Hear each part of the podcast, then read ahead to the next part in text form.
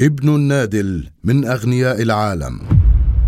عندما سئل في الصف ماذا تريد أن تصبح حين تكبر قال أريد أن أكون غنيا. وكان جوابه مختلفا عن كل أجوبة زملائه الذين كانت تنحصر أحلامهم بالمهن المعتادة. ومن وقتها آثار كيني تروت تعجب كل من سمعه ولم يصدقه أحد. لكنه كان يعرف ماذا يريد من المستقبل ليكون اليوم تروت الرئيس التنفيذي لشركة دالاس للاتصالات مالكا نصف الأسهم فيها. ليس من السهل قهر الفقر لكنه ممكن وكيني تروت من أكثر الأشخاص الذين قدروا أن يغيروا واقعهم ليدخلوا التاريخ كأغنى رجال العالم. وبالفعل تروت ذاتي الصنع صمم تابع تعب فنال. ابن النادل هكذا كان كيني ينادى خلال نشأته. لكن هل شكلت تلك التسمية مصدر إزعاج أو خجل لتروت؟ على العكس تماما. كان كيني من الطلاب الذين يعرفون كيف يلاحقون أهدافهم لو مهما حاول الآخرون تحطيمهم. كان هذا النادل الذي اعتبر البعض عمله معيبا يعمل ليل نهار ليؤمن المعيشة لأطفاله. وكان كيني يفتخر بذلك دوما ليكون تعب أهله الحافز الأساسي له للعمل بجهد. وبالرغم من كل المعيقات التي اعترضت طريق الوالدين إلا أنهما بقيا على إصرار كامل بتأمين ما يلزم ليتلقى الأولاد التعليم المناسب. قدم الوالد الدعم لأطفاله طوال فترة دراستهم المدرسية وكان كيني مصمما على النجاح منذ البدء فاختار الاجتهاد من البداية وبالفعل كان تصميمه صائبا. لكن ما الذي سيغير الحال بالنسبة لتروت؟ بدأت الأجواء العائلية بالتوتر. والمفاجأة كانت عندما انفصل الوالدان عن بعضهما البعض فبقيت الوالدة مع الأطفال فهل ستكون تلك الخضة سببا لتراجع كيني عن أهدافه؟ إذ بينما كانت تزداد أوضاع الوالدة سوءا وفقرا لم تتخلى عن مساندة ابنها واندفاع ابنها لعدم الاستسلام للواقع.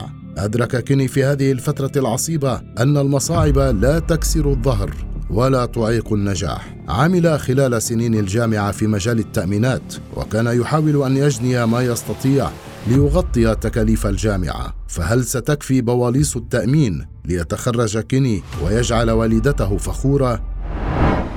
لم تكن فترة الدراسة الجامعية في جامعة إلينوي سهلة، فكان على كيني التوفيق بين الدراسة والعمل، لكن لا وصول للسهل سوى بالمرور بالطريق الصعب، وكان تروت على دراية كاملة بذلك، لذا لم يمانع أن يبذل جهدا. توجت تلك الجهود في نهاية المطاف بالنجاح الجامعي ليقترب كيني خطوة من أهدافه. وكانت الفكرة التي تراود كيني بتأسيس عمل يديره بنفسه قريبة من أن تصبح حقيقة حيث اجتمع كيني بأصدقائه ليناقشوا الفكرة. فهل سيتمكن الشاب من تخطي أحلام الطفولة؟ بالإيمان والإصرار تصبح الأحلام واقعا نعيشه. وكانت كل جملة لن تصل ابدا إلى أي شيء يسمعها كيني تدفعه للنجاح أكثر فأكثر. وضعت الخطة وتم الاتفاق عليها. لذا بدأ العمل الآن لإطلاق شركة أكسل للاتصالات.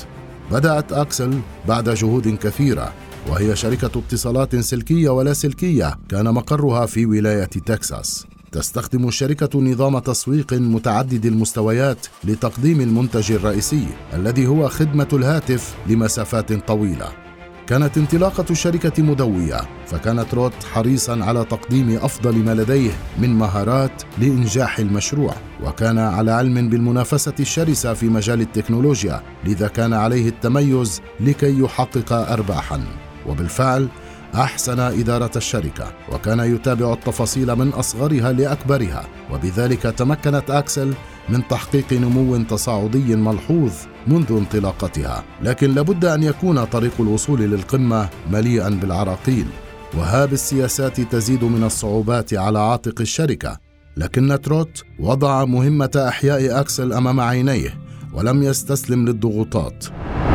لفترة طويلة سيطر العديد من المنافسين على السوق، لكن بالرغم من ذلك لم يولي كيني أهمية لما يحصل حوله، بل ركز على إعادة النمو لأكسل كلما كانت تقع في مأزق. ولا بد أن يكون هذا ما ميز تروت عن غيره في المجال، فهو يعلم كثيرا كيف ينهض بعد كل انزلاقة، وهذا ما سمح للشركة بتحقيق أرباح ليكون تروت بتلك الأرقام العظيمة من أهم الرجال في العالم بعد تحقيق أكسل أرقاما عالية قرر كيني بيعها لشركة تيليجلوب بثلاثة مليارات ونصف المليار دولار ليتفرغ لأعمال متفرقة ولهوايته بركوب الخيل. وكان قد وصل تروت لمبتغاه الذي حمله في عقله منذ الصغر وحتى إنه تخطى هذا الهدف. فكيني تروت ليس غنيا بل ثريا. وإن الثروة الحقيقية التي تمكن من جنيها كانت العزيمة والإصرار وعدم الاستسلام لأية مطبات تحاول أن تقف في طريق النجاح. بثروة مليار ونصف المليار دولار أمريكي تربع كيني تروت في قائمة أثرى الرجال في العالم وبقصة كفاح ملهمة كتبها بإصرار وتصميم. يعتبر تروت من الشخصيات المؤثرة في العالم لأنه ذاتي الصنع. بدعم من والدته تمكن كيني تروت من تحقيق حلم الطفولة ذاك وهو يهدي اليوم نجاحه لها ويتحدث عنها كأهم أسباب نجاحه ووصوله وأنتم من هو الداعم الأكبر لكم؟